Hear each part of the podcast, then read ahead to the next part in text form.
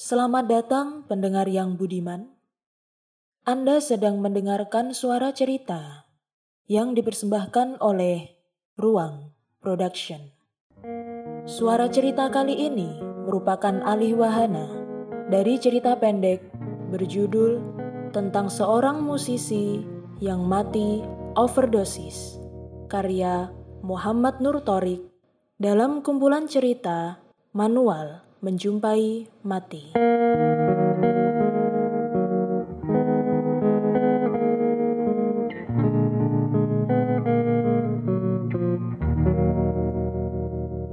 Kafe Malaya masih belum ramai. Seorang lelaki berumur menutup percakapan di telepon genggamnya. Melihat jam tangannya, masih pukul sembilan. Matanya kemudian tertuju pada dua kursi berhadapan di dekat air mancur. Ia putuskan untuk duduk di situ. Sebentar ia duduk, lalu terbayang olehnya bahwa ia sudah hidup di kota ini hampir empat dekade. Tapi baru kali ini ia berkunjung ke Malaya. Itu pun karena berjanji dengan seorang perempuan yang baru saja dikenalnya. Padahal Malaya sering kali disebut oleh teman-teman bandnya. Ia menyeringai kecil, menyadari bahwa ia belum mengenal betul kota yang ditinggalinya. Tidak berselang lama, seorang perempuan berkacamata, kira-kira berusia 37 tahun, kemudian muncul di depan kafe dan melirik-lirik sekitar, seperti sedang mencari seorang. Lelaki itu melihatnya. Mungkin perempuan itulah orangnya. Ia membatin dan memberi isyarat dengan tangannya. Perempuan itu menangkap maksudnya, lalu menghampiri lelaki berumur yang duduk sendiri, Andi.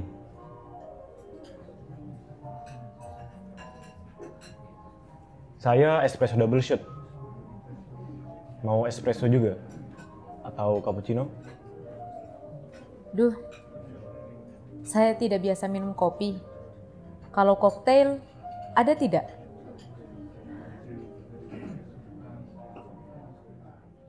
Pelayan kurus di depan mereka mengiyakan pesanan keduanya.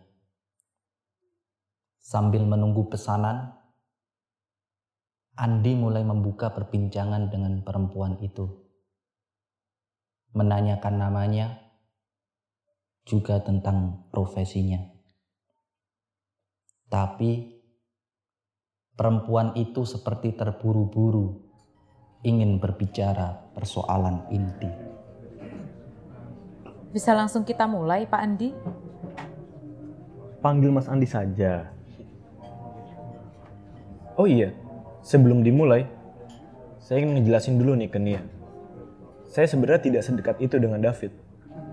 Memang kami dulu pernah satu band, tapi band bubar udah 10 tahun yang lalu dan kami tidak saling bertukar kabar. Apa Nia sudah menghubungi anak-anak yang lain? Kuncoro, Agus, atau Bima mungkin? Saya sudah coba cari kontak semua personil Krematia, tapi yang saya dapat cuma kontak Mas Andi. Informasi yang saya dapat dari kepala editor, Kuncoro ada di Bali, Agus di Makau, dan Bima tidak jelas ada di mana. Ya kalau gosip-gosipnya sih ada di Batam. Lagi pula hanya Anda yang nampak waktu pemakaman David. Sebenarnya di Krematia, saya adalah personil yang paling terakhir gabung. Dibanding tiga yang lain, saya yang paling tidak tahu kepribadian David lebih dalam. Andi tidak bermaksud membuat perempuan di hadapannya kecewa. Raut mukanya mengeluh, sedikit ingin marah. Andi kemudian berusaha untuk tidak membuat pertemuan pertama ini menjadi ingatan buruk. Oke, oke, oke, oke. Bagaimana jika saya berbicara yang saya tahu saja mengenai David? Meskipun seperti yang saya katakan tadi, saya pribadi merasa bukan orang yang tepat untuk digali informasinya. Ya sudah Mas Andi, tidak apa-apa. Lagi pula infotainment juga tidak jadi porsi utama kan di harian Metro. Eh, jangan salah nih ya. Justru Metro punya kredibilitas yang cukup tinggi untuk soal ini. Kebanyakan artis kalau tidak diberitakan di majalah gosip, hmm, paling-paling cuma diambil berita bombastis saja oleh media mainstream. Yang saya tahu, baru Metro saja yang memang lebih fokus di art dan lifestyle-nya. Tampaknya Mas Andi lebih tahu soal Metro ketimbang saya. Sebelum gabung di Krematia, saya sempat magang di Metro. Kebetulan jurusan saya juga jurnalistik. Oh iya, bolehlah di samping jadi narasumber, saya minta ilmunya sedikit-sedikit. Saya cuma magang di sana. Kamu yang sudah jadi wartawan harusnya yang ngajarin saya. Pelayan kafe tampak tergesa menghampiri dua orang itu. Itu memang waktu yang lama menunggu pesanan tiba. Tapi Andi dan Nia tampak tidak peduli dengan hal itu. Obrolan tentang David dan Metro membuat mereka seperti tidak menunggu apa-apa. Setelah meletakkan segelas kopi dan koktail di meja, pelayan itu langsung berlalu seperti tidak ingin mendengar komplain dari keduanya. Ini baru pertama kali saya ke sini. Padahal rumah saya terhitung dekat loh. Sebelum band kami bubar, Bima sering bilang kalau ada kafe bagus dan kopinya enak. Malaya namanya. Sepertinya Mas Andi paling akrab dengan Bima. Di antara yang lain buat saya cuma Bima yang paling stabil emosinya. Waktu melihat band sedang vakum dan komunikasi antar anggota tidak harmonis, dia yang mengajak kami kumpul di Malaya ini. Tapi kebetulan waktu itu saya sedang di luar kota kalau nggak salah. Konflik antara David dan Kuncoro juga belum padam. Akhirnya kumpul itu tidak jadi. Kalau boleh tahu, memang ada konflik apa ya? Ya biasa lah.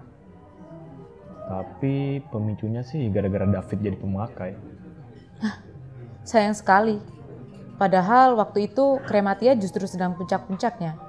Apalagi secara musikalitas. Menurut saya, band kalian itu sangat visioner dibanding band-band papan atas lainnya. Hmm, ya, memang sangat disayangkan. Terlebih waktu itu David juga belum lama dapat Grammy.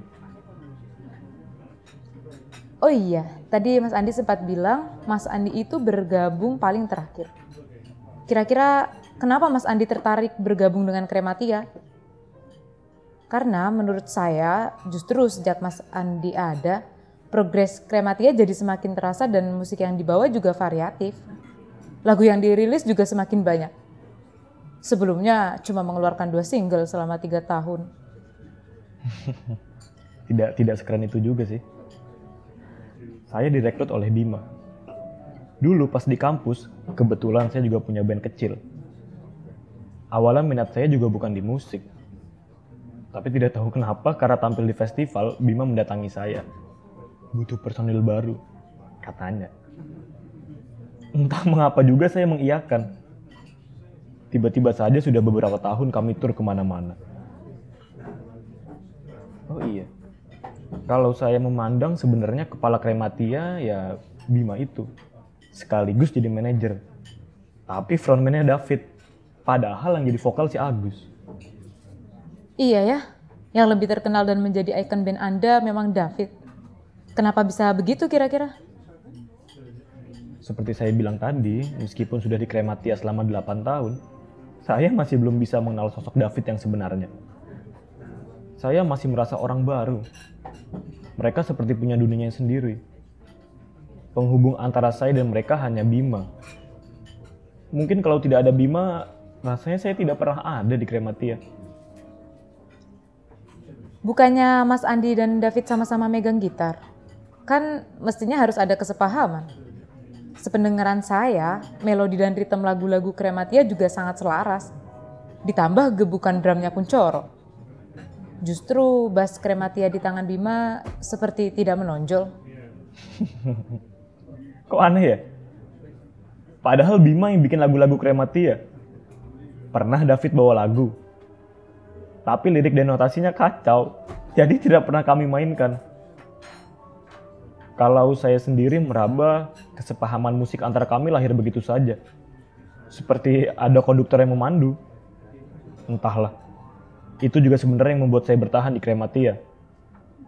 Walaupun seperti saya bilang tadi, tidak ada tali penghubung komunikasi kami. Dan kalian memang misterius. Saya jadi makin tertarik untuk tahu lebih dalam. Oke, kembali ke soal David. Saya pernah bertanya ke tetangga kontrakannya beberapa hari sebelum kematiannya. Banyak kabar beredar dia sering teriak-teriak sendiri tiap malam. Apakah Mas Andi tahu soal ini? Hmm, tidak tahu ya. Setelah bubar saya memang tidak pernah komunikasi dengan yang lain. Bahkan Bima. Band kami bubar dan anggotanya lenyap begitu saja. Mungkin dia teriak-teriak seperti itu karena lagi sakau. Bukannya kabar di media David itu mati karena OD.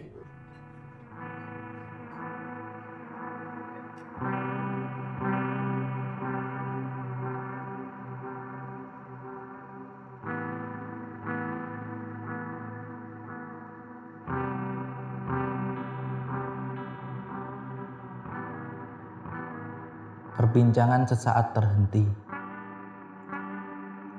Keduanya bertatapan dan sama-sama menyadari ada yang ganjil dari obrolan mereka.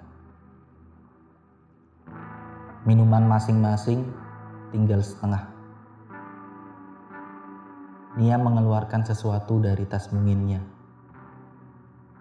Sebungkus rokok mil dan korek api. Andi memasang raut sedikit terkejut melihat bibir perempuan manis di hadapannya menyulut sebatang rokok. Melihat lelaki itu seperti heran, Nia memberi isyarat seperti meminta izin. Tangan Andi mempersilahkan. Sambil tersenyum, ia mengeluarkan kretek dari sakunya. Sesungguhnya, sudah sejak awal bibirnya terasa masam. Tapi ia khawatir perempuan di hadapannya anti asap. Masih di sejenak yang diam, mereka berdua menghembuskan asap masing-masing. Untuk memecah keheningan itu, Nia mulai kembali meraba-raba pertanyaan. Yang saya tangkap dari cara Anda bicara soal David, sepertinya Anda sudah tidak peduli lagi dengannya, juga dengan krematia. Kenapa? Tiba-tiba, Andi seperti tengah disentuh oleh sesuatu yang sudah ia hindari. Ia sebenarnya menyadari, apa pun alasannya, kematian David masih menyisakan perasaan janggal di benaknya. Setelah bubar, selama 10 tahun ini, ia mencoba untuk tidak membicarakan krematia pada siapa pun. Ia mengubur kenangannya. Bagaimanapun, delapan tahun bukanlah waktu yang sebentar. Tetapi ia masih belum mau membukanya pada orang lain. Apalagi perempuan asing yang baru saja ia temui.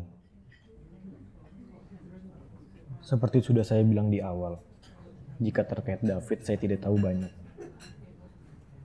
Sebelum kamu, ada beberapa wartawan yang juga menanyakan hal yang sama. Saya masih merasa Bimala yang lebih berhak menjawab. Tapi entahlah, keberadaannya sendiri sekarang sudah hilang. Ngomong-ngomong nih ya, ada yang mau saya tanyakan padamu juga. Apa Metro sekarang juga mulai mengangkat kehidupan pribadi orang? Walaupun hanya magang selama beberapa bulan, saya tahu bahwa ketertarikan Metro dari dunia hiburan lebih pada seninya.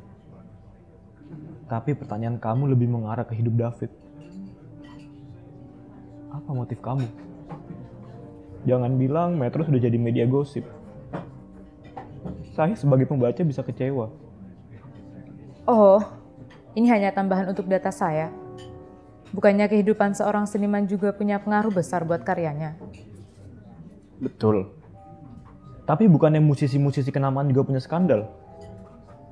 Dan itu tidak berpengaruh pada karya mereka kan? Sebut saja Jimi Hendrix, Jim Morrison, atau yang dekat dengan kita. Ahmad Albar misalnya. Ya ya, memang benar. Setahu saya berapa dari mereka memang menjadikan obat atau minum atau bahkan seks buat sumber inspirasi.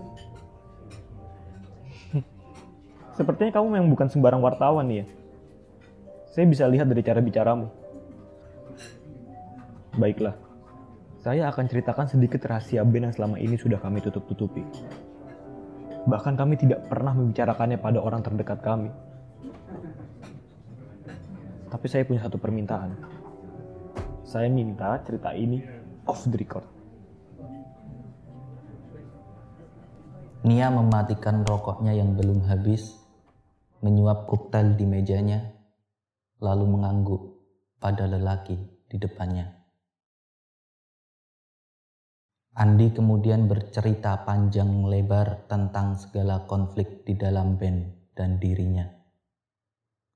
Nia mendengar, hikmat dan matanya kosong. Saya tidak bohong. Penyebab band kami pecah adalah adik si David yang sudah keterlaluan. Ia tidak bisa main kalau tidak memakai, dan itu yang membuat fokusnya jadi pecah. Tapi kami tidak bisa menyalahkan dia. Kami semua pemakai, kecuali Bima. Tapi kami tidak mau berurusan dengan aparat. Makanya di depan publik kami berusaha menunjukkan kalau kami ini bersih. Kamu tahu sendiri, kalau orang-orang baru mengetahui keterlibatan Krematia, lebih khususnya David dengan obat-obatan justru setelah Krematia bubar. Lalu pertengkaran Kuncoro dengan David, sebenarnya juga bukan seperti apa yang dibicarakan media. Tapi David yang tidak bisa mengontrol kebiasaannya. Ia sakau dan mencuri uang kami saat kami tidur setelah manggung. Kuncoro tahu itu. Dan konyolnya, ia malah meminta bagian. Memang, akibat pengaruh obat, rasa percaya kami satu sama lain sudah luntur. Walaupun kami tetap sama-sama punya komitmen untuk tidak membuat jelek nama Krematia. Menyadari kesalahan itu, kami putuskan untuk bubar dan David jadi kambing hitam. Ia setuju. Mulanya kami tidak ingin Krematia berakhir seperti itu. Tapi tidak ada cara lain. Bagaimanapun yang mendirikan Krematia ya David dan Bima. Sebagai orang yang bertanggung jawab atas nama baik kami, ia rela menjadi bulan-bulanan media. Seperti tadi saya bilang, setelah bubar, kami tidak pernah lagi berhubungan. Dan band yang kami citrakan sebagai grup musik yang menjaga idealisme itu lenyap, dikalahkan band-band baru tidak jelas. Nama band kami menghilang dan baru muncul setelah 10 tahun ini. Itu pun karena kematian David. Sepertinya yang mau membuat pengakuan ini cuma Mas Andi. Kenapa kamu bilang begitu? Yang hadir di pemakaman kakak bukan hanya Mas Andi. Kuncoro dan Agus juga hadir. Tapi kalian saling jauh dan ya tidak tahu menau satu sama lain. Kakak? Seperti tersambar petir, tubuh lelaki itu gemetar dan tidak berhenti gemetar. Rokok yang hampir habis di tangannya jatuh. Perempuan berkacamata itu menatapnya, tidak lepas, semakin kosong. Lelaki itu tidak lagi bisa menebak isi kepalanya. Sampai ia akhirnya bicara. Kakak memang pecandu berat. Tapi bagaimanapun parahnya, selama bertahun-tahun ia tidak pernah mengalami overdosis. Ia tahu batasan. Sebelum kematian, ia suka teriak-teriak tengah malam bukan karena sedang sakau. Kakak didatangi seseorang. Beberapa tetangga sempat melihat ada sosok yang sering mendatanginya tengah malam. Maksudmu, ia dibunuh? Beberapa tahun sebelumnya Kak David pernah cerita ada teman satu bandnya yang tidak rela kalau krematia bubar. Tapi selain itu ia tidak pernah cerita apa-apa. Termasuk apa yang barusan Mas Andi ceritakan. Bapak dan ibu sudah tidak peduli. Mereka tidak pernah mengunjunginya. Kakak juga tidak pernah pulang. Tapi saya sering main ke kontrakannya. Akhir-akhir menjelang kematian, rumahnya sering terkunci. Saya tidak tahu ya ada di mana. Tapi kata para tetangga, kadang mereka melihat Kak David keluar. Badannya tidak terurus, tulang-tulangnya tampak kelihatan dan di hari kematiannya ditemukan beberapa jarum suntik dan badannya penuh dengan bekas tusukan paksa. Benar, Kak David memang OD. Tapi dipaksa OD oleh orang lain. Pengakuan Mas Andi sedikit banyak membuat saya merasa lega. Karena prasangka buruk saya terhadap kakak ternyata salah. Terus terang, kematiannya beberapa minggu lalu membuat saya membencinya setengah mati. Tapi ada perasaan yang tidak bisa saya pungkiri bahwa ya kakak saya tidak seperti itu. Malam ini paling tidak kejadian yang menimpa kakak saya bisa saya urai sedikit. Dan saya akan terus mencari tahu kejelasannya. Saya tidak benci sama kalian yang rela membiarkan kakak saya, teman kalian sendiri, sebagai tameng untuk menutupi keburukan. Semua orang punya harga diri dan ya saya maklumi itu. Terima kasih banyak Mas Andi. Dan maaf, saya sudah berbohong kalau saya adalah wartawan Metro. Saya pamit dulu.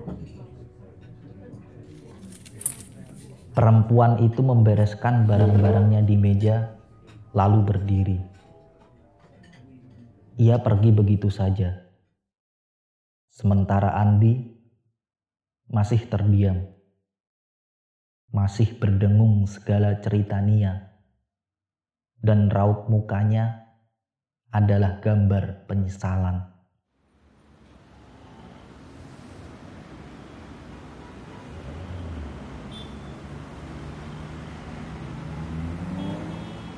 Seorang lelaki berumur itu baru pulang dari kantor dan terjebak kemacetan di jalan. Dari jarak beberapa meter, matanya tiba-tiba tertuju pada gambar di sebuah media cetak yang dibawa oleh loper koran. Wajah yang terpampang pada foto itu seperti tak asing. Penjual koran di lampu merah ia panggil. Dan koran yang memuat gambar tadi ia beli. Headline berbunyi. Seorang mantan drummer tewas tertusuk puluhan suntik berisi heroin. Dengan seksama, ia perhatikan lagi foto orang yang mukanya penuh dengan tusukan jarum itu. Semakin lama, semakin ada yang ingin meledak. Ia lalu berteriak sekencang-kencangnya, sekuat-kuatnya, memanggil-manggil nama Kuncoro.